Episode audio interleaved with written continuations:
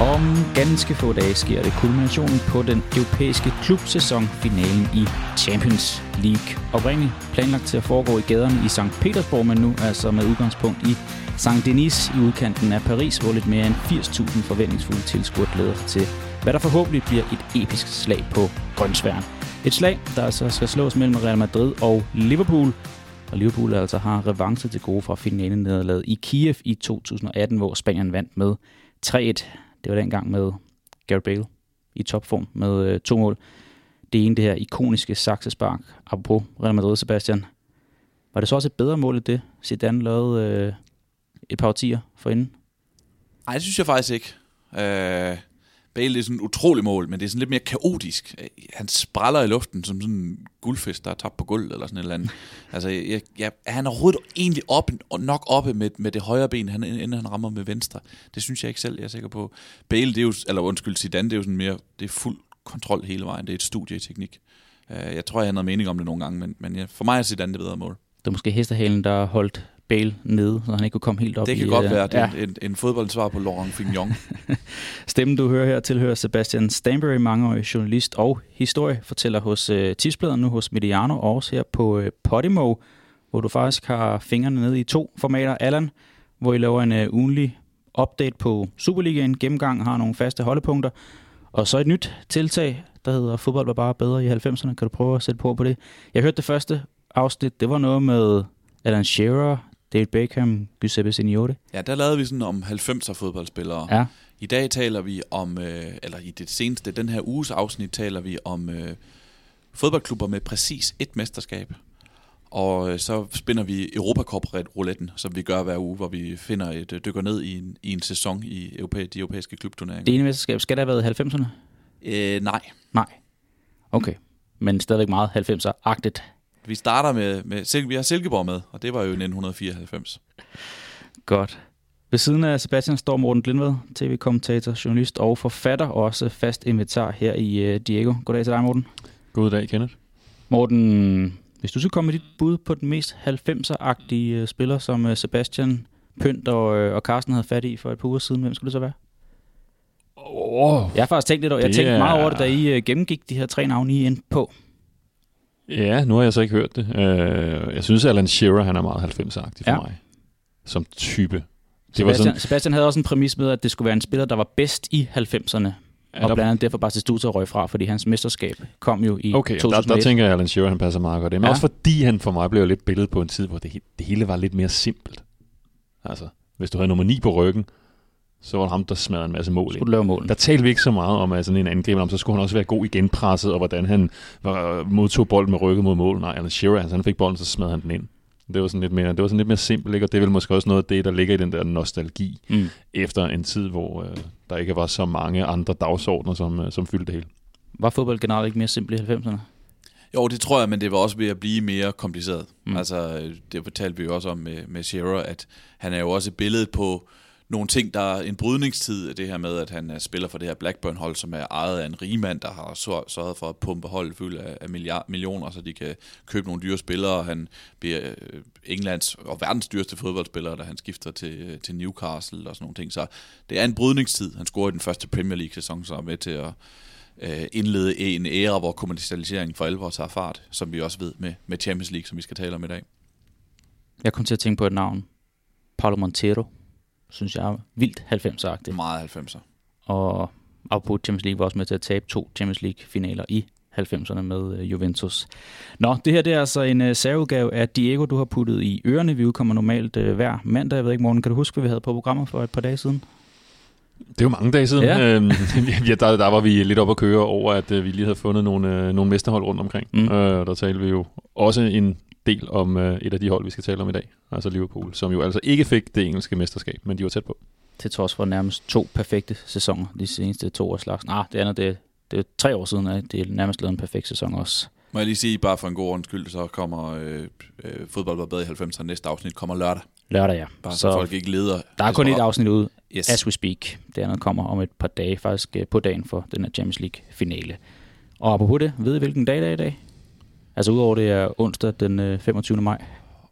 det kunne, det kunne meget vel være øh, jubilæum for en eller anden Champions League-finale. Ja, det er det. Fordi, Altså, jeg ved ikke jubilæum. Det er 17 år siden, den der magiske aften i Istanbul. okay, Apropos Liverpool, som vi skal tale om senere hen. Hold kæft, det var en magisk aften, var? det var det. det Kan, det kan var I huske sådan noget? Nu skal vi tale om øh, jeres største minder med de her Champions League-finaler. Jeg tænker, I har begge to den kamp højt på listen. Sådan, er det så også en kamp, hvor I kan huske tid og sted, hvor I var henne? Sagtens. Og det er jo faktisk sjovt, fordi Champions League-finaler, de er alle sammen så store. Øh, og nu du siger, at vi skal, vi skal tale om det lige om lidt, men, men lad os da 20 starte med den her. Der er bare to, der for mig altid træder frem, og som jeg simpelthen har hørt så mange nævne, som kan du nævne en stor fodboldkamp, du, du kan huske? Og så siger de 99 og Champions League-finalen der, og så Ja. siger de 2005. Og jeg kan tydeligt huske 2005. Jeg havde, øh, jeg kunne fortælle hele udsendelsen om den, tror jeg. Jeg havde lige fået kørekort, og... Øh, hvor, altså, Var du i stand til at køre? Nej, det var jeg ikke. Jeg har fået kørekort et par dage for inden, Okay. Og, og har lånt min forældres bil. Vi skal ned og se det i min, i min, øh, hos mine venner, Sander og Emil, i deres lejlighed, og køre sammen med min ven Chris, og går bare i stå på vejen på et tidspunkt, og s- at konstatere, altså efter, i et lyskryds, jeg kan ikke få den i gang igen, og så bare sådan, er indstillet på, nu vil vi bare holde her, indtil min ven Chris så siger til mig, at du skal lige have den op i første gear, i stedet for tredje gear. Øh, så, så det er sådan nogle detaljer, jeg har, og med selve fodboldkampen, altså vi gik jo, vi så den der som sagt nede i, i min, vens lej, altså, min venners lejlighed, og der kom nogle flere gutter, og vi sad, og lige pludselig står der to øh, politibetjente inde i lejligheden, fordi, og beder os om at dæmpe os. Fordi vi er gået fuldstændig amok i den der anden halvleg og råber og skriger, og der er ting, der bliver kastet ud af vinduet. Vi har både en stor Milan-fan og en stor Liverpool-fan i, i selskabet, og vi går er fuldstændig amok, og så dæmper vi os en lille smule, da der pludselig står to politibetjente inde i lejligheden, øh, som selv har, har lukket sig ind og siger, nu må I godt lige øh, dæmpe jer en smule. Det gjorde vi så, men, men noterede os stadigvæk, at det var en stor kamp, så selvom øh, vi må dæmpe os en lille smule. Jeg kunne faktisk ikke huske det her med, at det var inden for 6 minutter, at de laver de her tre mål i begyndelsen af anden halvleg. Jeg har jo sådan fornemmelsen af, at det var spredt lidt mere ud, men det var meget intens, de her minutter der comeback. Og så gik kampen sådan lidt i stå, for så igen at eksplodere senere hen i, i turneringen. Morten, øh, er det også en af de kampe, som du har sådan, som det særlige i forhold til de her historiske Champions League-finaler? Ja, ja. Altså det, det, det, er jo, det er jo selvfølgelig helt unikt. Ikke? Og så også, jeg tror, den har nok også fået mere i eftertiden, at det var netop Liverpool, der gjorde det. Mm.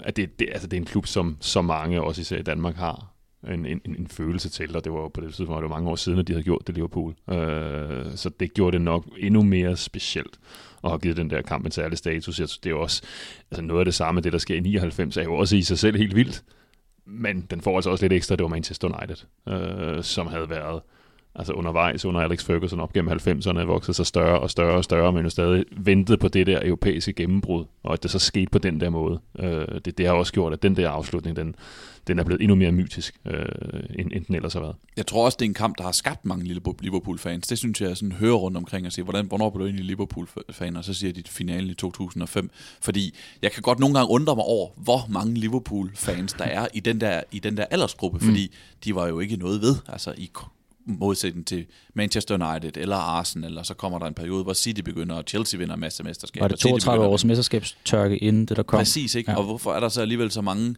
Liverpool-fans, der ligesom er født i den ære? Fordi vi må jo sige, at, at der er mange, der bliver fans af de hold, der vinder noget, øh, og helt i orden med det.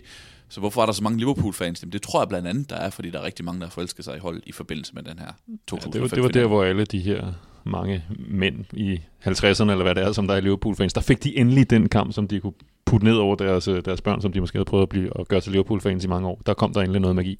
Det var ikke den der UEFA Cup-finale mod Alaves et par år Ja, den, den, den, var også kunne, den kunne også noget. Det var også en magisk finale. Ja. Men, men det var også det, der gjorde den endnu mere magisk, den her kamp i 2005, at det var Liverpool. Altså, de var ikke blandt favoritterne. De var ikke blandt de bedste hold sådan i Premier League på daværende tidspunkt, hvor de hang efter Manchester United Manchester, eller, og Arsenal. Der gjorde det ekstra magisk, at det kunne happen any given. Ja, var, det, var det en onsdag aften? Det var kamp? en Wednesday. Ja, det var Ja. det. Ja, det, ja, for mig var det i hvert fald. Altså, det synes jeg jo er, er charmen, at... Fordi på den ene side, så havde du både det der med, at det er en kæmpe klub, Liverpool, men det var ikke noget stort hold. Så, så man havde både øh, storheden i, hvor, hvor stor klubben er, men man havde også overraskelsen i, at, at det der Liverpool-hold kunne gå hele vejen. Øh, det, det var jo ikke engang meningen, at de skulle slå Chelsea ud, eller Juventus ud, som de gjorde. Altså, for pokker, det er jo et, et hold, der starter med Milan Bartos, som angriber, og med Jimmy Traoré og Steve Finnan som de to backs i den der øh, finale der. Ja, og de skal jo bruge den der 3-1 sejr hjemme over Olympiakos til overhovedet at gå videre, hvor de kommer bagud 1-0, og Steven Gerrard laver det her utrolige mål, og Neil Miller scorer og sådan noget. Øh, Undskyld, var det en særudsendelse om 2004-5 Ja, det, det er det her? med at blive. ja, rigtigt, Sebastian. Lad os øh, holde fokus på, hvad der er i vente om øh, ganske få dage. Altså en øh, finale, der er rykket til Paris fra Rusland efter den her invasion af russerne af Ukraine tilbage i, øh, i februar måned. En finale, som sagt, mellem Real Madrid og Liverpool. Fire ud af de seneste fem år, at øh, minimum et engelsk mandskab er nået så langt i øh, turneringen. Det var i 19, at Bayern slog Paris uden øh, britisk deltagelse. Lidt mere om øh, årets finale om et kort øjeblik, men jeg tænker, vi kunne lige fortsætte ned ad memory lane og tage en quiz. Morten, vi lavede også en quiz, da vi bagte op til FA Cup-finalen for nogle uger siden, hvor du var sammen med Pynt. I endte med at alliere med hinanden. Er det også noget af det, du vil gøre med Sebastian, eller skal vi have en, en tvekamp mellem jer to på tre spørgsmål? Lad os tage tvekamp. Skal vi tage tvekampen? Ja, skal vi ikke det? Okay. Spørgsmål 1 lyder, at øh, Liverpool har vundet turneringen seks gange, hvis man medregner dengang den hed øh, Europa Koppen for mesterhold. Kun overgået Real Madrids 13 titler og Milans 7 titler. Kan I huske, øh, hvornår de vandt deres første titel? Skal jeg bare svare? Det, Jeg gør det. det er jo lidt et problem nu, når I skal give, øh, I skal give årstal begge to. Kom med et årstal, Sebastian. 1977. 1977. Modstanderen Borussia Mönchengladbach. Ja. Den ender 3-1. 3 i Rom. Allan Simonsen var på banen for tyskerne dengang. Og score. Så scorer jeg. Og Ja. bliver Europas bedste fodboldspiller nok. Ja. Ja. Ikke mindst på grund af det mål. Det var meget godt over for dansk fodbold. I hvert fald for Allan Simonsen også. Ja. Det ved du som øh, Vejlegenser. Spørgsmål 2. Nu, nu vil jeg måske med at slå jer sammen. Nu kan I bare øh, votere. Fordi det, det er noget hø- bøvl, hvis I skal give et, øh, et årstal, og så, øh, ja, så Morten tvunget til at sige et andet årstal, end det Sebastian lige har gjort. Hvilket hold har været i finalen flest gange uden at vinde trofæet? Jeg vil, altså som, som aldrig har vundet det, eller Aldrig har bare har tabt flest finaler. Tabt flest finaler med den, øh, uden at have vundet turneringen. Okay. Der er sikkert et hold, der har tabt flere Ja, for Juventus har jo tabt mange Det har de. finaler, det har de været Men rigtig de har også vundet. Ja, så det er det så ikke. Åh, oh, den er svær. Den er lidt giftig, ja. Tallet er tre. Ja, Tre tabte Så finaler. der var Atletico. Det må det være. Fordi de har øh, to mod Real Madrid i Og så nyere den- tid, og og så så har de i Bayern 70'erne. München finale fra 70'erne. Ja, det siger vi. Det er korrekt. Netop Bayern i 74. Og så Det er øh, meget de, passende, to, det Atletico, der har sådan en rekord. de ikke? to i nyere tid, 14 og 16, begge mod Real Madrid. Godt gået frem. Tredje sidste spørgsmål. Real Madrid har som sagt vundet turneringen hele 13 gange. Der var fem i streg fra 56 til 60, og så fire her i øh, det årti, vi lige har lagt bag ved os i, i, i 2010'erne. Tre gange har de formået at tabe en finale. Den seneste var i 81. Kan I huske, hvem det var mod? I 81, Ja. det var mod Liverpool. Liverpool. Det var mod Liverpool I Paris, i Paris. hvor de også spillede den her gang. Har I bud på en målscore? Den ender 1-0. Uh, Kenny Dalglish. Nej, det var Alan Kennedy. Ah, Ja. Det er ellers et godt bud i de år, ikke? Men det er jo øh, ligesom ringen, der mødes her i forhold til de to mandskaber igen. Ja, I det er jo den der, altså den dag vi får Champions League-finalen mellem Real Madrid og Barcelona. Altså hvis det var sket nu. Altså de to hold har jo vundet pænt mange finaler i træk.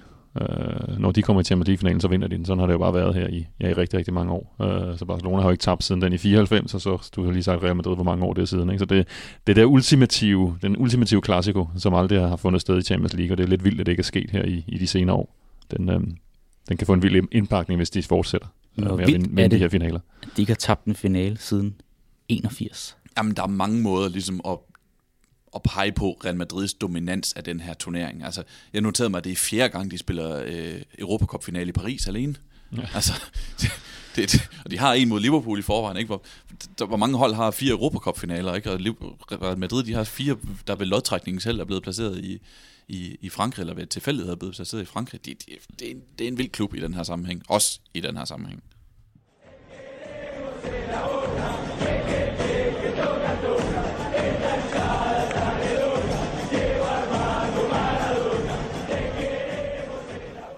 Det var lidt omkring øh, quizzen.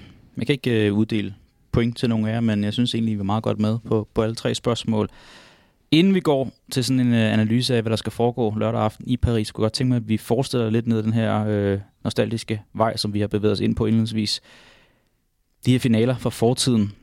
Jeg tænker også, efter jeg begyndte at arbejde med fodbold, og efter jeg er blevet øh, lidt ældre og blevet øh, far og sådan noget, så har fodbolden måske nogle gange, den der er i fjernsynet, den, hvor det ikke er i arbejdsrelateret forstand, fået en lidt mindre prioritering rundt omkring. Så, men jeg glæder mig til den her finale, der er på lørdag, fordi den er så speciel, som den er. Har I oplevet et, en udvikling i det i forhold til også, at I har arbejdet med fodbolden, og I gradvist også er blevet ældre, og man ikke har den tid, som man havde, da man var øh, 17 år? Eller 18 og lige fået kørekort? Ja, helt bestemt. Altså det, det, det synes jeg, det, det er noget, fodbolden er noget andet, end dengang man bare var fan, og det skal ikke tale ned, for jeg elsker fodbold øh, over uendeligt højt. Men der er det er selvfølgelig noget andet nu, og også i forhold til, hvilke kampe man, man konsumerer. Men, men Champions League er for mig noget, stadigvæk noget specielt, og, og specielt finalen. Øh, Øh, jeg løb da du, da du inviterede mig til den her, Kenneth, så løb jeg sådan lige listen igennem i hovedet, ikke? og der, der var relativt mange af de her finaler, hvor jeg vidste, hvor, hvor jeg kan huske, hvor jeg var henne, og hvem jeg så den sammen med, og omstændighederne omkring det. Øh, det var kun en af dem, hvor jeg lige har fået kørekort, og, og, og gik i stå i bilen på vej derned i min forældres Citroën Picasso. Men, men der er rigtig mange på trods af det er meget forskellige omstændigheder, så er der rigtig mange, hvor jeg ligesom kan huske, hvor jeg var og hvem jeg så den sammen med. Man kan sige, at der er meget få gode ting at sige omkring coronaen, men en af de gode ting, det var, at øh, Viaplay benyttede lejligheden til at smide alle de øh, Champions League-finaler, i hvert fald jeg kunne huske ud, øh, så man kunne sidde og se dem igen, og jeg endte faktisk med at se stort set alle af dem, de viste. Vi er tilbage for, for mit vedkommende den første, jeg kan huske, 94-95 finalen, hvor øh, Ajax slår Milan med 1-0. Hvor langt tilbage øh, kan du huske sådan din første finale, Morten? Ja, der går jeg lidt, nok lidt flere år tilbage. Jeg, jeg tror ikke, jeg kan sige det knivskarpt med den første, men det har nok været sådan noget 90-91 øh, deromkring. Øh, de, de år der. Øh, jeg synes, at jeg har nogle minder om, og det er 90 Milan vinder en finale der, og jeg kan synes også godt, at jeg kan huske den der straffesparkskonkurrence året efter. Øh, og så, stjerne. Ja, og så selvfølgelig især med altså Michael Laudrup øh, og Barcelona på, på Wembley mod, mod Sampdoria. Så det, det er de år, at, at jeg begynder at at, at have de her, de her finaler som, som, som stærk minde, ikke? og det er jo nogenlunde der omkring, hvor Champions League jo så også bliver indført.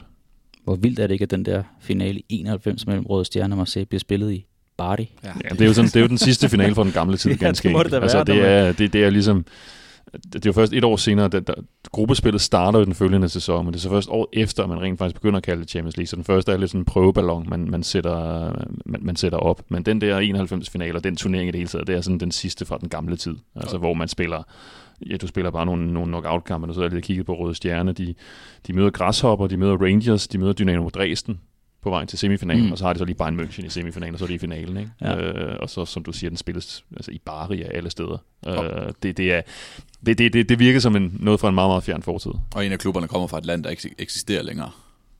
Altså, ja. det, det, Jugoslavien. Ja, Jugoslavien. altså, så, ja, det er rigtigt. Det, det er faktisk, på den måde er det meget passende som, som endestation. Hvad synes I om øh, udviklingen, den her rejse, fra øh, at det begyndte at hedde Champions League i 92, så kan I huske sådan, øh, de bagvedliggende initiativer og processer, der var øh, til den? Det var jo meget, altså da, da, det, da det skete dengang, altså, så var det jo meget visionært i virkeligheden. Mm. Altså nu er jeg i de senere år, og med rette er UEFA jo blevet kritiseret for, for hvad som helst, men dengang, altså så var der, altså, der, der så man jo lidt lyset, man så jo lidt ind i fremtiden, man så jo lidt, hvad fodbolden havde brug for. Og det opstod jo som, jamen, som konsekvens af mange forskellige ting. Altså dels var der sådan helt, måske helt det politiske med Europa, der havde åbnet sig, at, at lige pludselig det at skulle spille kampe i det gamle Østeuropa. Altså det var ikke sådan en rejse ind bag et jerntæppe, som man måske ikke lige skulle gøre mange gange på en sæson. Altså det, det ville virke lidt for, for uoverskueligt. Øh, en, en langt større bevidsthed om den kommercielle værdi, øh, som sådan en turnering kunne have, altså, og den der følelse af, at, at Europa var blevet knyttet tættere, så, en, så Europacup-fodbold skulle ikke være sådan et lille vedhæng til en normal sæson, som det var før i tiden. Det skulle være en ret integreret del af den.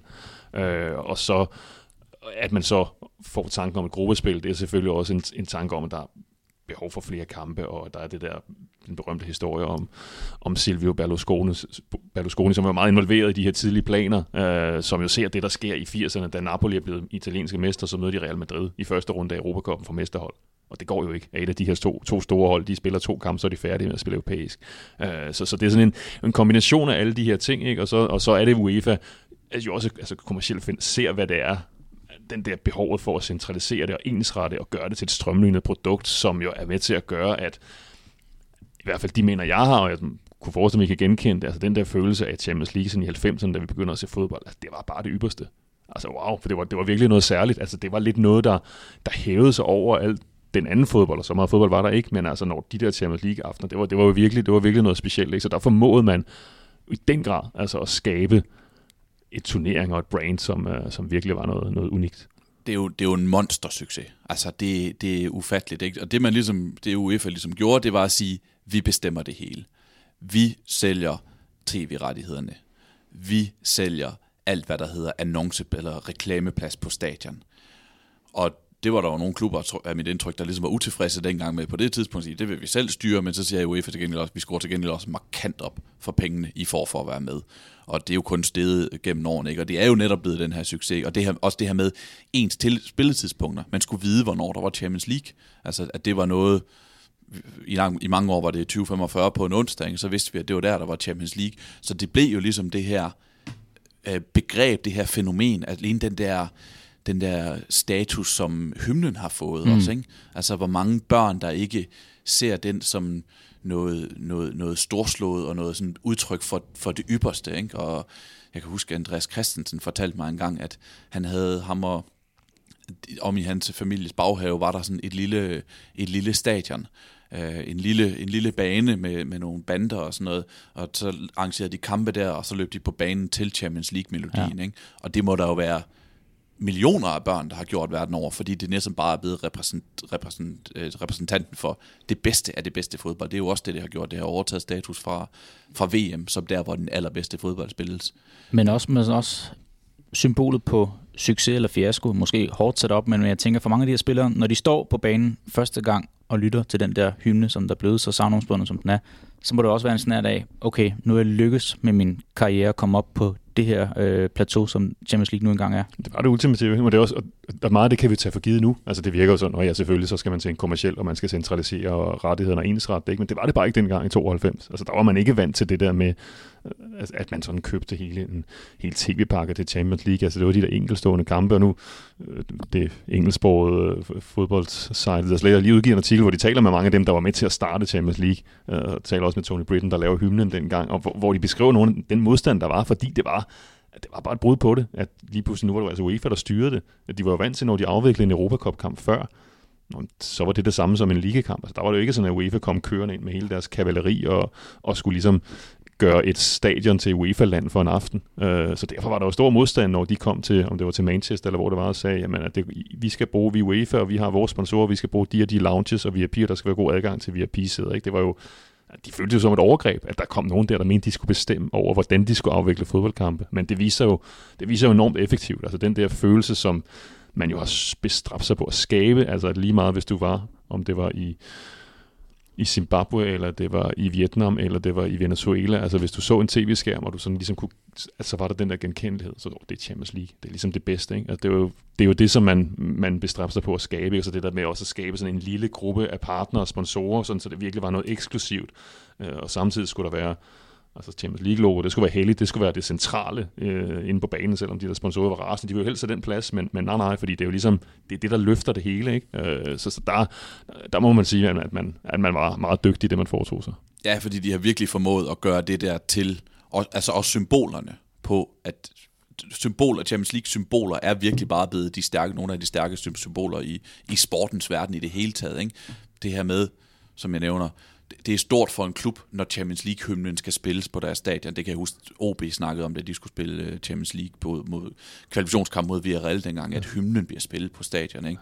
Jeg har også en kammerat, som var sådan helt op og køre op over, at Brøndby på et tidspunkt skulle spille med Champions League-logoet i sidste sæson, da de skulle spille kvalifikationskamp. Der Brøndby-trøje med Champions League-logoet på ærmet og sådan noget. Ikke? Så de der, den der, de der symbolikker øh, har man virkelig formået at, at, at løfte op til noget, til noget storslået, og, og det skyldes jo også, at, at fodbolden har været så god, som den har været. Og den her finale i år er jo så øh, med 30 år på banen med Champions League efter dens øh, introduktion i 92. Sebastian Morten har nævnt det her med, da Napoli bliver mester, så møder man øh, Barcelona i første runde. Tror du Real Madrid, men, undskyld, undskyld. men pointen er den samme. Real Madrid i første runde og rører ud at det havde også en snært ved den gang, hvor det kun var mesterholdene, der kunne have adgang til turneringen. Nu, nu kommer der en ny øh, struktur fra 24, hvor der måske kan være fem eller seks hold fra en liga, en nation med igen. Altså kan der bare være en snært af dig, der savner det der med, at det er play playoff fra start af, knald eller fald, og det er alle de øh, europæiske mestre i en stor pulje? Altså, jeg har jo aldrig, jeg er jo for ung til at have oplevet det der med, med knockout, fordi jeg er fra, jeg er fra midten af 80'erne, så jeg, da jeg kommer ind i Champions League og får det ind under huden, så er det med, så er det med gruppespil. Øh, men jo, det, det havde det også sin charme, men jeg kan da også godt forestille mig, at jeg ville have været øh, trist ved at sige farvel til nogle af de, de allerstørste hold så tidligt. Selvom man kan sige rent sportsligt, så er det måske mere færdigt. Altså, det i hvert fald sådan, vi gjorde tingene. Jeg synes jo, det puljespil, vi har kendt i mange år, og som helt tilfældigt også var det, jeg voksede op med, øh, er den rigtige måde at gøre det på. Øh, øh, frem, for, frem for det system, som vi nu skal til at ind i med, med en eller anden kompliceret ligastruktur. Altså jeg tror, når man sådan måske ser den... Altså nu ved jeg ikke, jeg, jeg, jeg ikke lige for, man kan sige, at Champions League har været i krise hele det senere år. Det, den, den, den, holder, den holder jo nok ikke, men altså den der måske kritik, en følelse af noget, måske lidt metaltræthed i, i konceptet. Altså der er i hvert fald noget, hvor altså i de første år op gennem 90'erne, der var der stadig den der følelse af, at det var et eksklusivt selskab. Uh, altså fordi der ikke var der var ikke fire hold for det store liga. Altså nu er det jo bare sådan, at de store hold er med hvert år. Øh, sådan er det. Øh, så der var ikke noget, nu er der ikke længere noget særligt ved, at Real Madrid skal spille Champions League næste sæson. Det skal de jo selvfølgelig hvert år. Øh, men dengang i 90'erne, da det, da det kom frem, Først var det stadig kun mesterne i det her lille gruppespil, så begyndte man at åbne, for der kunne komme to hold fra, fra samme land. Det var stadigvæk ikke givet, at, at, at alle de store, store hold var med. Så der, så der havde man stadig, og det var tror jeg også med til at gøre den der følelse, at det var stadig noget specielt at skulle spille Champions League. Ikke? Men nu er det bare sådan, at, at alle store klubber i Europa spiller Champions League hver eneste sæson, så derfor er det, at, at den der følelse af en Champions League-kamp som noget ophøjet, at den, den har jeg ikke på samme måde længere. Altså nu er det lidt fodboldkampe som så mange andre store mm. fodboldkampe. Det er stadigvæk super høj kvalitet, og især når vi så kommer frem her til knockout-fasen, så, så kan det stadigvæk noget. Uh, men jeg synes, ikke, jeg, synes ikke, jeg synes ikke, det er magisk på samme måde, som, som, som det har været, og jeg tror slet ikke, jeg kommer til at synes, det er magisk efter 24. Alle de store hold spiller Champions League, som du siger, Morten, og alle de store hold spiller Champions League mod hinanden hele tiden. Altså det her med, der var efter den her Champions League, eller den her finale, vi talte om tidligere mellem Liverpool og, øh, og Real Madrid, så gik der, som jeg husker det, flere årtier, før de mødte hinanden igen. Ikke?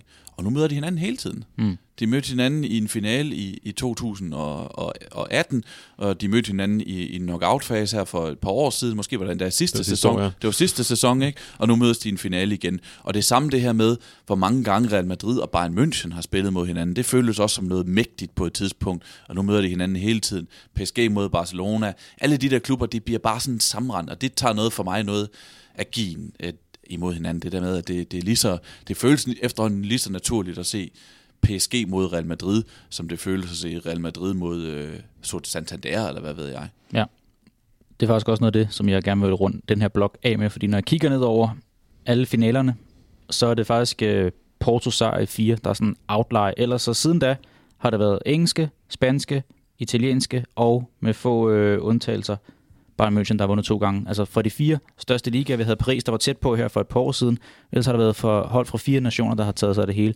Når man går længere tilbage i tiden, så så man jo, at der kunne være et hold som Panathinaikos, der var i finalen i 71. Året for inden var øh, Celtic i finalen også, og det var der mod, mod et hold som Feyenoord, der vandt der.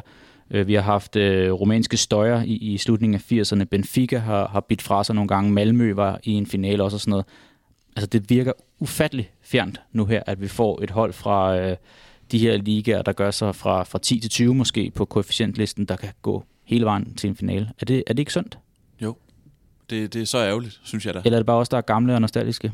Nej, altså jo, det, jo, men det gør det ikke, men det gør det ikke mindre, øh, det gør det ikke mindre sandt for den sags skyld. Altså, det synes jeg ikke. Det kan da godt være, at vi har en, at vi har en nostalgifaktor i det, men, men jeg kan jo ikke huske Panathinaikos Europa Cup øh, i, i 71, tror jeg, der er mod, mod Ajax, men, men derfor kan jeg da godt synes, at det er charmerende, at det kunne ske, og derfor kan jeg da godt synes, at det er ærgerligt, at det nu er de, de, de 5-6 største fra England og, og Barcelona og Real Madrid, og så Bayern og PSG, som, som kommer i de her finaler, og så er det stort set det. Det, det, det, det kan jeg da godt synes er ærgerligt, og det, det tror jeg da alle kan synes, at når vi har så mange klubber, som vi har i europæisk fodbold, og vi tidligere har set, at man kunne dyrke store hold sådan organisk, og bare have dem lidt for sig selv, og så kom de med, og så gik de hele vejen. Og det kan bare ikke lade sig gøre nu. Det er da ærgerligt. Magten og, magten og pengene er jo bare blevet koncentreret om de største ligaer, i særdeleshed Premier League. Øh, og så, må, så er det så er det blevet sådan, så er fodbolden jo bare blevet så fragmenteret, og så må vi så kigge andre steder hen, og nu, da vi lavede den normale Diego Mandag, så talte vi om, om Conference League-finalen. Mm. Altså, så er det jo ligesom blevet, hvis man er til den slags, de gamle traditionsklubber, en klub som Feyenoord, som er en fantastisk fascinerende og stor klub, og som jo altså historisk har Feyenoord måske en større betydning for europæisk fodbold, end Manchester City har, øh, men de er jo ikke i nærheden af at kunne, kunne konkurrere der. Men der er det i hvert fald, altså der kan jeg jo godt lide i hvert fald, at de her klubber, de stadig ligesom at der er en mening med at være Feyenoord, øh, at de så kan nå, at de så kan nå den her finale, som, som, som, de, kan, som de kan omfavne, men altså, det er, jo, det er jo fuldstændig naivt i hvert fald at forestille sig, at, at det bliver lavet om. Så skal man jo fundamentalt ændre, hvordan fodboldverdenen er skruet sammen, øh, hvis vi skal have en forestilling om, at Røde Stjerne og, og Feyenoord og Panathinaikos, så de igen skal, skal kunne spille sig i Champions League-final. Der synes lang vej lige nu. Det var heller ikke meningen, det skulle være sådan et uh, mavesurt element det her. Derfor synes jeg også, at vi skal slutte uh, på, på en lidt høj note her til sidst, uh, inden vi går videre til selve finalen, vi har i vente på lørdag. Har I et minde, sådan live Champions League fodbold, der har gjort særligt indtryk på jer? Ja, det har jeg. Champions League semifinalen i 2008 mellem Manchester United og FC Barcelona. Mm-hmm. Jeg var på første semester på Journalisthøjskolen på det her tidspunkt, og da Barcelona spiller sig i semifinalen, så mig og to studiekammerater, Peter og Mads, vi køber billetter ned, at, til flybilletter til Barcelona, også fordi vi vil ned til den her, den her semifinal mod Manchester United. Og billetterne til kampen bliver først taget salg to dage før, så vi har ikke billetter, da vi har købt øh, til kampen, da vi har flybilletter. Og så øh, ender vi med at sidde inde i, inde i øh, auditoriet på, øh, på Journalisthøjskolen en, en mandag eftermiddag, og der bliver de her billetter sat til salg, og så sidder vi med hver vores bærbare og får købt billetter, og to dage senere flyver vi så derned og, øh, og ser den her kamp, dropper alt, hvad der hed mediejura, som vi havde på det her tidspunkt, på trods af, at vi skulle til eksamen øh, i det nogle dage senere, men det var, vi blev nødt til at opleve det her, og fik billetter til kampen, og ja, I, I, har begge, I kender begge to Camp Nou, som godt kan være sådan lidt det lidt tilbagelændede stadion, hvor man ligesom kommer og forventer at blive underholdt, og så sidder man med armene over kors, indtil der er nogen, der laver noget vildt ind på banen, og så klapper man af det. Det her var et andet Camp Nou, jeg oplevede. Der var 96.000 tilskuere, og Barcelona, jeg ved ikke, om I kan huske det, men i 2007-2008 har de en rigtig dårlig sæson. Det er Frank Rijkaards sidste sæson, slutter ned på tredjepladsen i La Liga. Så det, de skal møde Manchester United, så er det et undertippet Barcelona. FC Barcelona er rent faktisk underdog, og det kunne man mærke på de der katalonier, der var på stadion. De øh, gik fuldstændig amok og støttede deres, deres helte igennem hele kampen, og jeg blev revet med og sad der og råbte og skreg, og ja, lydtrykket af Cristiano Ronaldo, han brænder et straffespark, det var øh, altså monumentalt, og og det var da inden hans tid i Real Madrid, det var så de havde ikke sådan Madrid, noget fight det var, med ham. Det var hans første møde ja. med, med Camp Nou, og så stod det der og råbte, Ira puta es, esa portugues. altså, denne portugis er en søn af en luder, eller noget af den stil, ikke? Mm. Uh, så velkommen til Barcelona, uh, Cristiano. Og, og Messi var, var blændende. Han var ikke verdens bedste fodboldspiller, men man kunne godt se, der går nok kun et par måneder, og så er han det rent faktisk. Uh, og det sluttede 0-0 det hele, men det var fuldstændig lige meget. Det var virkelig, virkelig en stor fodboldkamp. Morten? Ja. Jamen, jeg, jeg, jeg, jeg føler faktisk ikke helt, jeg har, jeg har nok øh, live-oplevelser med Champions League, og det hænger, så, det hænger så sammen med den, den tv-station, der har haft rettighederne i, øh, ja, i hele perioden. Det, det, det er så den, jeg ikke har, har været tilknyttet øh, på nogen måde. Så jeg, så jeg har aldrig været ude som kommentator og kommentere det. Men den det, ene, du ikke har været tilknyttet. øhm, men det er der blevet til nogen. Og hvis jeg sådan skal tage en her fra de, fra de senere år, som også har noget relevans i forhold til finalen, så øh, kan jeg nævne en Real Madrid kamp i Champions League i 2018. Øh, og der kan jeg huske, at da jeg tog afsted, der var jeg sådan lidt, når ja, altså, det, det var ikke noget særligt, og den der kamp var egentlig mest et, et stop på vejen. Øh, det var i foråret 2018, og jeg skulle egentlig til Peru for at lave noget, noget optag til VM, øh, hvor Danmark jo skulle møde, skulle møde Peru. Og så kunne det give mening at tage via Madrid og tage et par dage der, og så kunne, kunne, jeg, kunne jeg lave et par, et par ting der, og blandt andet være til Champions League kvartfinalen mellem Real Madrid og Juventus. Og det var så blevet planlagt, og så var jeg sådan lidt ærgerlig over, at Real Madrid jo bare havde smadret Juventus i den første kamp i Italien, hvor de havde vundet med 3-0. Det var vel Cristiano Ronaldo hat som han plejede på det der tidspunkt. Så, så det, det føltes jo lidt som sådan en ikke-begivenhed, hvor de jo bare lige skulle køre den hjem. Øh, og så ender det jo så med at blive en fuldstændig sindssyg kamp, hvor øh, Juventus jo kommer foran 3-0 på Bernabeu, og Real Madrid er fuldstændig i tårne, og folk øh, aner jo ikke, hvad der foregår. Øh, det havde jo været et, altså en historisk fiasko, hvis man kunne vinde 3-0 på udebane, og så alligevel ryge ud. Øh, og så ender det så med, at de får et meget sent straffespark, som jeg tror stadig, det bliver diskuteret i dag, om der nu også var straffespark, eller der ikke var det, men de fik det i hvert fald, og så fik de så reduceret til 1-3 og, og, øh, og gik videre. Ikke? Men det, det, det viser også lidt om de her, de, de her dramaer, der er i Champions League. Altså, der er, der er godt nok sket meget øh, i den der turnering, ikke? og så viser det også bare noget om Real Madrid. For det, det var i virkeligheden lidt det samme som det Real Madrid, vi har nu. Altså, det var ikke altid, de var lige overbevisende, men sådan lige i sidste øjeblik, så, fik de, så får de alligevel hævet sig videre. Øh, dengang var det Cristiano Ronaldo, man som regel var til at redde sig. Nu har de, nu har de, nu har de Karim Benzema. Altså den der Juventus-kamp, den mindede meget om Chelsea-kampen i virkeligheden, for den her sæson, ikke? hvor man følte, de havde klaret det på udebane, og så kommer de alligevel i enorme problemer på hjemmebane. Hvis jeg lige må sige en enkelt ting, så mange af de andre store minder, jeg har fra Champions League, er faktisk fra parken, når FC Nordsjælland ja. og når FC København har, har været der. Og det har været gruppespilskampe, men den her turnering er så stor, at bare det at være i gruppespillet øh, og, og være med og spille de her kampe, ofte mod ret store modstandere, betyder, at der ofte er en, en, en ganske særlig stemning til de her kampe. Og det, det, det synes jeg egentlig er, er ret fedt, at vi snakker om udvandring måske med de større hold, der, der sætter sig på mere og mere, men når de små, mindre klubber så er med, øh, så er det en oplevelse sig selv, også selvom de ikke kommer til at vinde den her turnering. Mit minde er også med lidt mindre klub. I ved godt, jeg har et tilhørsforhold til Arsenal. Det er, det, er, det er nogle år siden, de har været med, så vi skal lidt tilbage. Det er fra efteråret 2019, hvor øh, mig og min kammerat Christian satte os i en bus og kørte 14 timer til Liège for at se øh, Standard Liège mod Arsenal. Så er de bagud 2-0 efter 5 minutter. Mangala af alle folk scorer faktisk øh, på et hovedstød efter to minutter. Witzel spiller også på det her Standard Liège-mandskab. Så sker der jo det, at Arsenal laver tre mål i anden halvleg. Og så bliver det en god bustur på vej hjem. God bustur hjem. Vi sad der, vi, vi kiggede på hinanden efter fem minutter og tænkte, har vi virkelig kørt i 14 timer herned for at se den her Galle Mathias af en fodboldkamp, Niklas Bender score? Hvornår sagde du, det var? 2009. 2009, okay. Ja. Skønt. Det var, det var, det blev en væsentligt bedre tur hjem, end det havde blevet, hvis øh, det, det her 2-0-resultat bare har stået ved magt, tror jeg, så skulle øh, sætte, sig, sætte sig op til at tage den her lange vej hjem fra Belgien igen, men øh, det var en fed fodboldkamp.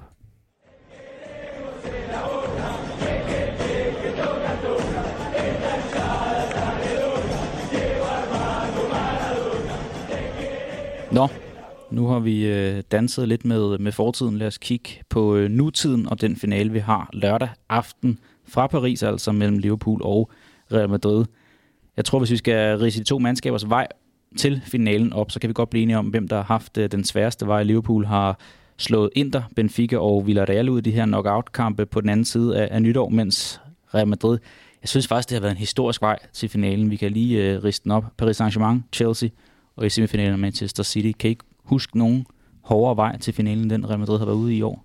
Ja, jeg kiggede lidt på det. Der er nogen, der godt kan konkurrere med Ja. i hvert fald. Lad os få et par forslag på bordet. Den, hvor øh, Morten var nede og se Real Madrids run i 2018, hvor de øh, møder PSG, Juventus og Bayern, mm. og slår dem samlet 5-2, 4-3 og 4-3, var også hård.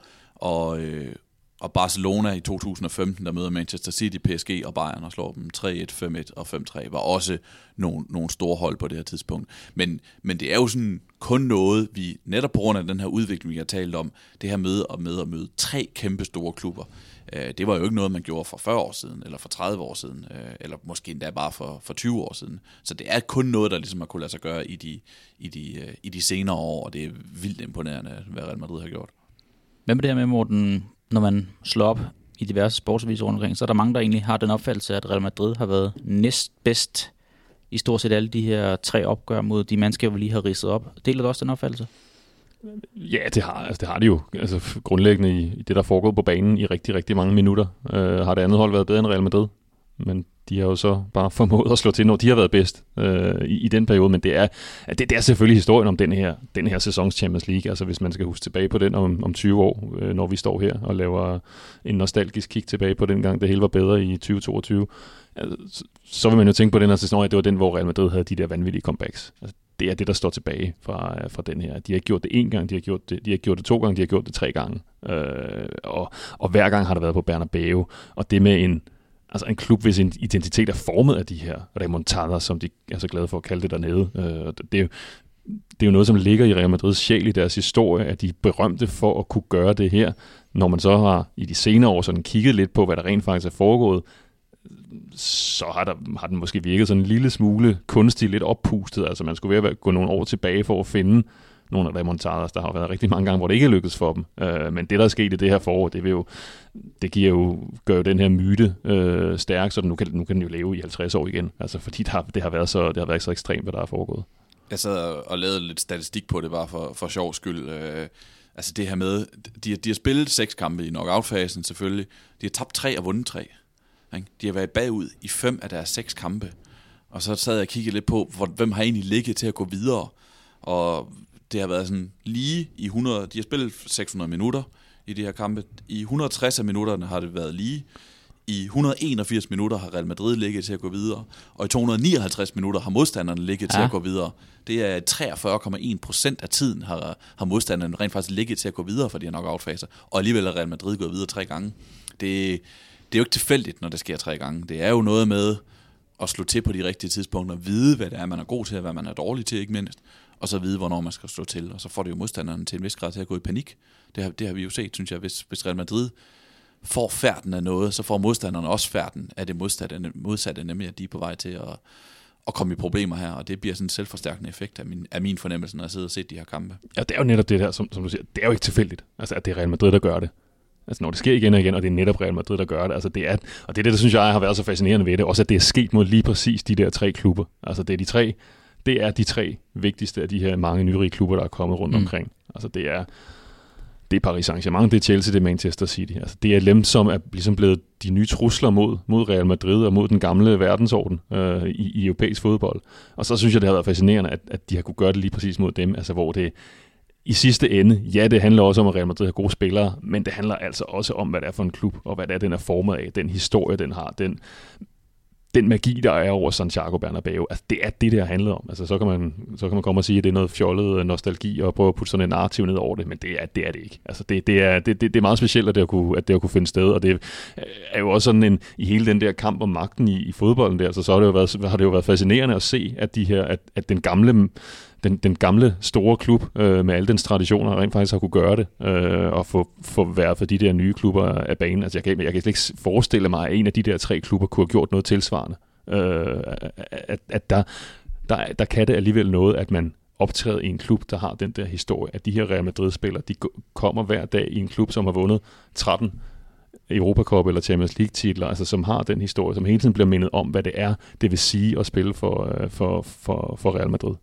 Er det Mitchell, der har det her gamle saying omkring Bernabeu, at 90 minutter er lang tid? Det er Juanito. Det er Juanito. Det er Juanito, undskyld, selvfølgelig. Men øh, det har Ja, og det bliver for, det, bliver, det, er jo netop, det er noget, noget, der bliver forstærket, og det kommer jo helt, det kommer jo også til at være en del af den her finale. Nu er det ikke på Bernabeu, og det er selvfølgelig, det er selvfølgelig meget væsentligt, for det har selvfølgelig også været specielt, at de så lige tilfældigvis har haft returkampen på Bernabeu i de her tre knockout-kampe.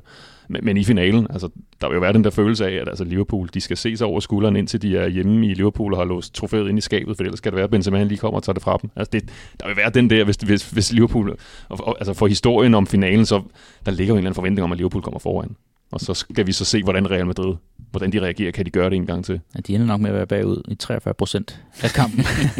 men, men, men for mig, er det, ikke, er det ikke hovedhistorien, det her med, som Morten ridser op med, at, at Real Madrid har holdt de nyrige klubber lidt på afstand? Liverpool tilhører også den der kategori med det, det, det gamle, øh, dem der tog trofæerne i gamle dage også, at det er lidt de to gamle kæmper, der øh, er ovenvandelige pt. Jo, jo, virkelig. Også fordi det bliver forstærket af så mange ting. Altså det her med, at så har Real Madrid Carlo Ancelotti sådan en, tillader mig at sige det, ganske old school træner, ikke? Mm. der bare står dernede og ikke kendt for nogen taktiske nybrud, men kendt for ligesom at, en rutineret rev, som øjner mulighederne, når de er der, øh, mens han har været op imod for eksempel Pochettino og Guardiola og Tuchel, som er en lidt anden øh, og nyere og generation og, og står for nogle andre ting, ikke? men det er alligevel den der erfarne rotte, øh, uden af vores indtryk, eller af fortælling, narrativt omkring det, de helt store sådan, taktiske øh, tricks op i hjernet, som alligevel har formået at udmanøvrere modstanderne. Og det, det passer jo ikke at 90 minutter på, øh, på Banabeo er, er lang tid.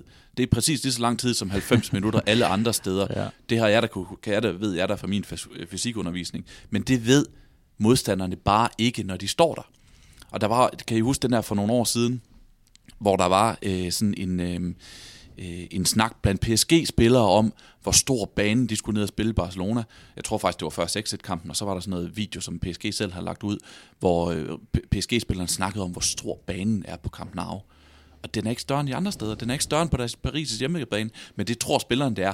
Ergo bliver det en selvforstærkende effekt. Mm. Og ergo lige så snart Real Madrid kommer øh, frem til en lille smule, eller får scoret i det der mål, og begynder en remontada mod modstanderne, øh, så begynder Chelsea-spillerne og Manchester City-spillerne og PSG-spillerne tænkte, åh oh, nej. Men- og så går det galt. Men det der Rodrigo scorer, det andet mål, lige omkring det 90 minutter, altså havde den kamp varet tre minutter længere, så havde de scoret en gang mere i ordinær tid. Altså den der, de Ja, var det er fuldkommen altså, krokke. jeg, altså, jeg, havde det, jo- jeg, jeg følte næsten ikke, at jeg havde brug for at se en forlænget Nej. Altså, det var Gik så ikke så mange minutter, Det var fuldstændig givet, hvordan det ville, hvordan det ville ende. Ja, det, gav sig. Og det er, ikke, for- det er ikke for at sige, at Real Madrid på en måde er, at de, at de er helte, og de andre er skurke, eller det er mere ren klub, der har bestemt. Der er også mange ting, man kan kritisere ved, hvordan Real Madrid har ageret i, i, i, rigtig, i rigtig mange aspekter. Men jeg synes bare, det er fascinerende at kunne mærke, at selv i 2022, hvor penge betyder så meget, og hvor der bliver investeret så vildt i de her nyrige klubber, at så kan man bare se så tydeligt på banen, og så betyder det altså stadigvæk noget, hvad det er for nogle klubber, der står over for hinanden. Altså så er det ikke bare fuldstændig lige meget, om det er den ene statsstøttede klub mod den anden. Altså historier og traditioner, et stadions arv, øh, det har altså faktisk stadig en indflydelse på det, der foregår. Den faktor er så ude på lørdag, når det foregår i Paris, som du siger, at øh, Real Madrid har oplevet at spille finaler i den franske hovedstad tidligere. En anden franskmand, som der nok tager nøglerolle på lørdag, Karim Benzema, 15 mål i turneringen. Det er jo, altså det er jo, det er jo Ronaldo og Messi-tal. I 11 kampe. Ender han ikke også med at Og hvor mange blive- af dem i knockout-fasen, det er jo også en, øh, Ja, ja. en væsentlig pointe. Altså, Jo, jo. han, han bliver vel en stor faktor igen igen. Hvad for nogle nøgleduetter ser I mest frem til? Ja, men jeg ved jo ikke særlig meget om taktik. Altså, det, det må jeg jo kende, men der, derfor er det jo så øh, fint, at jeg godt ved, at Real Madrids taktik til en vis grad er at give bolden til Karim, og så skal han nok skære det, fordi, fordi han, er jo, han har jo netop overtaget statusen fra, fra Cristiano og, og, og Messi på en, til en vis grad, i Real Madrid selvfølgelig fra Cristiano. Det her med, at hvor god han har været i den her sæson. Han har været god tidligere, men han har aldrig været så god, som han er nu. Han, er, han spiller sin, sin bedste sæson nogensinde i en alder af 34, ikke? Øh, og, og netop det der med, at Real Madrid virker til bare ligesom at sige, okay, vi er problemer, lad os få den ind til Karim. Og så skal han nok opsnuse en sang på en eller anden måde, chance på en eller anden måde. Det er ikke så vigtigt, hvor vi lægger den hen i feltet. Vi skal bare lægge den et eller andet sted i hans, i en, en nogenlunde radius af, af, af, hvor han bevæger, bevæger sig, og så kommer han frem til noget, og han scorer nok også. Det, jo, han får en nøglerolle, og det bliver... Øh, det, det er jo også igen den der selvforstærkende effekt. Bliver Liverpool nervøs? Jeg ved godt, de har nogle ret dygtige forsvarsspillere, men bliver de en lille smule nervøse af at se, at det er ham, der lusker rundt? Og hvis de bliver nervøse, er der så ikke en lille smule større chance for, at Karim Benzema kan udnytte det, fordi den der nervøsitet går en lille smule ud over kvaliteten i Liverpools forsvar. Jeg, jeg tror på, at sådan nogle ting har en, har en betydning, så jo, han kommer helt klart til at få en nøglerolle.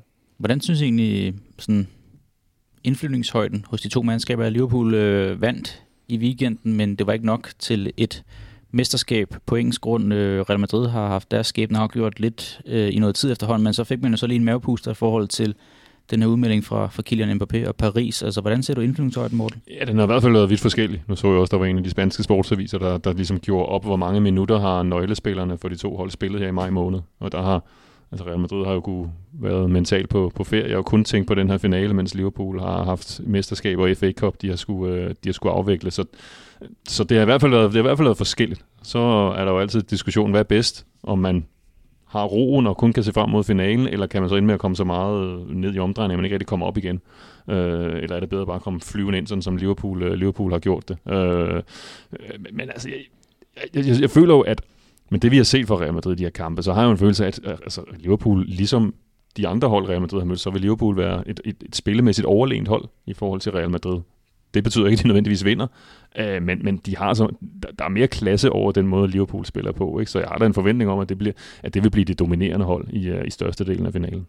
Har jeg også større tiltro til, at Liverpools fundament, også kvæg øh, den tid, Jürgen Klopp efterhånden har været i det, er stærkere end det korthus, vi har set ramle for Paris i nogle øh, Champions League-kampagner efterhånden for Manchester City også, at, at de står bedre rustet til, at nu er det magiske Real Madrid med den her Champions League-magi og aura omkring sig, der kommer. Ja, det tror jeg egentlig. Altså for Liverpool vil også selv føle, at de har altså også de har også noget magi over sig. Uh, så, så, så ja, der, der, der, der står det lidt mere lige. Ikke? Der er det ikke at sige de der to kontraster, som det har været. Altså det er den historiske store klub mod den nye store klub. Altså her er det to historiske klubber, der står over for hinanden. Ikke? Og altså, hvis Real Madrid de kommer med deres remontadas, ikke? så kan Liverpool, ja ja, vi har Istanbul. Ikke? Altså, I kan bare komme an, vi er ikke bange. Uh, selvfølgelig, der er noget der i forhold til, Uh, altså en ting er, hvad Real Madrid selv har gjort, men det er også den der forbandelse, som rammer deres modstandere. Altså man har jo bare vendt sig til, at der er en målmand, der kvejer sig ordentligt møde Real Madrid i en stor Champions League-kamp. Altså det i sig selv er også meget usædvanligt. Altså der kan man gå tilbage til den finale, vi snakkede om tidligere, altså, altså den i uh, 2018, med Luis Karius fra Liverpool. Mm. Og, det er jo, og vi har set det flere gange i den her, den her øh, sæson, at den der at Real Madrids, den der særlige forbindelse, der altid har været mellem Real Madrid og Champions League og den gamle Europacup for mesterhold, ikke? Altså, det er lidt som om, at det er en forbandelse, der rammer nogle af de klubber, de møder undervejs. Tænk en hård skæbne på fire år. Luis Carlos. Hvor, hvor pokker spiller han nu her? Spiller han? Ja, var han ikke på et eller andet lejeophold, hvor de ikke kunne bruge ham alligevel? Altså, det, jamen, det siger jo det hele, at vi ikke, øh, at vi simpelthen sidder tre nogenlunde fodboldkyndige, står ja. tre nogenlunde fodboldkyndige mennesker her, og ikke aner, hvad der er ved af ham. Røg han til Besiktas? Ja, der var et eller andet der.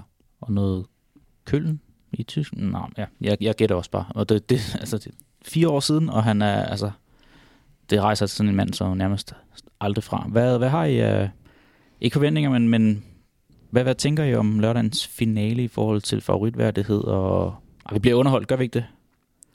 Jo, det, det vil, altså, for mig ligger underholdning også i bare, hvor stor en, en kamp det er under alle omstændigheder. Ja. Altså selv de, selv de dårlige Champions League-finaler, jamen der vil, vil få en vinder, som skriver sig ind i fodboldhistorien. Ikke?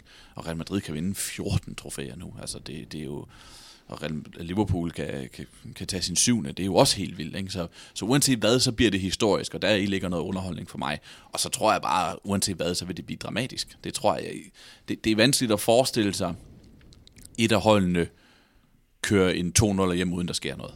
Altså det er vanskeligt, det kan være, at, at det lykkes den her gang for Liverpool, det, at, at de gør det, som, som City ikke kunne, som PSG ikke kunne, som Chelsea ikke kunne. Det der med at komme foran mod det her på altså, spillemæssigt svære Real Madrid-hold, og så ikke lukke dem ind i kampen igen. Men man vil bare sidde med forventninger om at sige, hvornår kommer stødet? Hvornår kommer stødet for Real Madrid? Og hvis Real Madrid kommer foran, jamen så har vi det bedre mandskab, der skal i op og jagte noget og sådan noget. Det bliver også spændende, og kan de så holde stand imod det? Så jeg er sikker på, at vi får drama.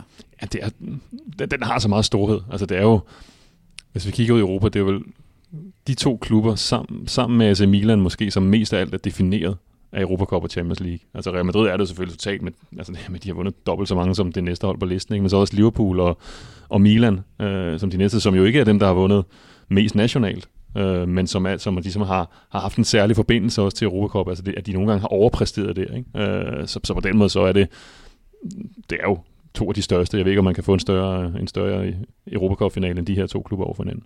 Kan jeg liste et, et bud på resultat ud af jeg skulle lige så sige nej, når du formulerer det på den her måde. det, var, det var pænt formuleret. Jeg vil gerne have et bud på et resultat. Så tror jeg, at Real Madrid vinder 2-1. Ja, jeg er helt på Sebastians hold der. Jeg siger også 2 til Real Madrid. Jeg tror, jeg tror Liverpool vinder. Men altså, jeg har nok også, jeg har troet, Real Madrid vil tabe i 8. delsfinalen, kvartfinalen og semifinalen, så det er, det er formentlig et, et, øh, et, godt tegn på dem. Altså, jeg, jeg, jeg er meget, meget usikker på den finale, hvordan det bliver. Altså også om det, hvor åbent det bliver.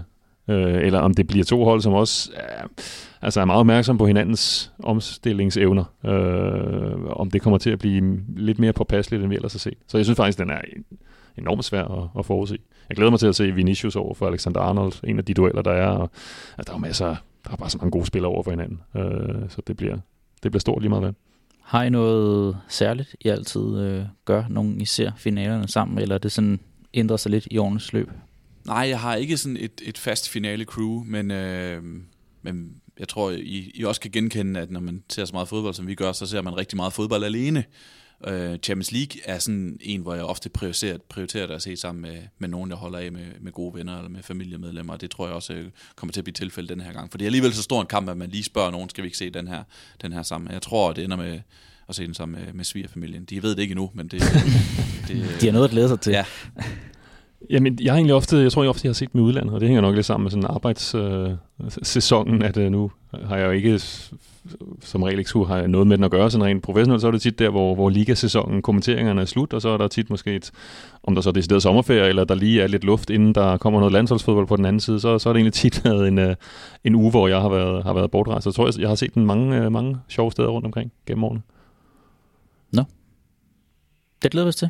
Jeg glæder mig til at se, hvor om morgenen du når at, at kabre et fly om uh, Sebastian. Ja, det gør jeg så ikke den her gang. Det er ikke, det, det er ikke planen.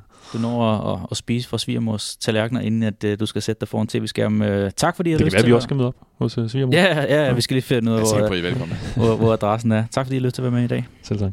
Og Selv tak. rigtig god uh, fornøjelse lørdag aften. Også til jer, kære lytter. God fornøjelse med den her Champions League-finale, altså mellem to europæiske mastodonter.